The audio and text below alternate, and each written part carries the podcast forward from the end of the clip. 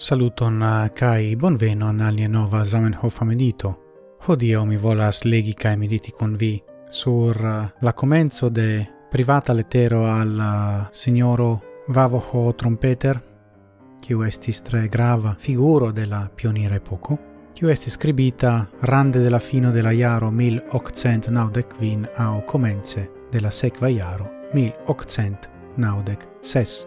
La el tiron vi trovas je pagio quarcent dudec du. Mi nur aldonos unu vorton quiu aperas en la sequa pagio por completigi la frason.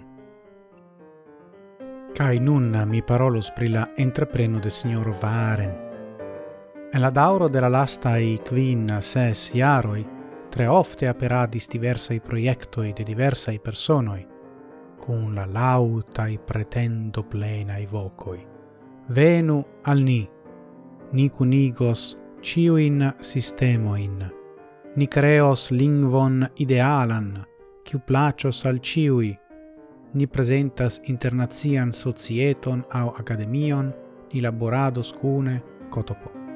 Quancam mi ciam sciis che en tia afero kiel creo cae en conduco de lingvo inter voli cae fari estas grandega, grandega pascio mi tamen en la comenzo credadis al ili, cae promesadis al ciu el ili nian plenan helpon. Ciu iu ain audis pri la entrepreno de signor Varen, mi devas concedi che mi neniam audis pri tiu signoro Varen. Malgrau la facto che mi estas faculo pri interlinguistico, plei probable la propono de signoro Varen uscis sur uh, sia scribo tablo au publicigis sen granda effico. Sed tio estas, ni diru, la fono de la el tiro.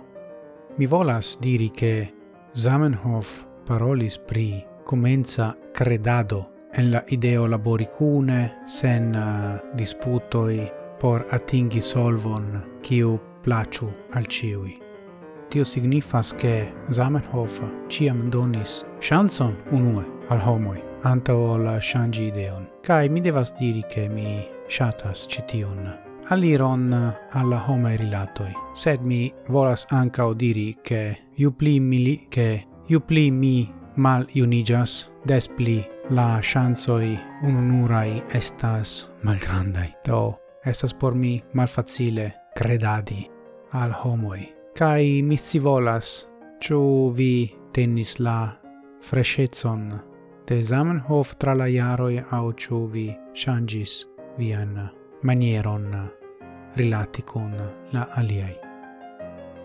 Dankon pro via attento, gis morgau kai kiel ciam, antauen sen fine.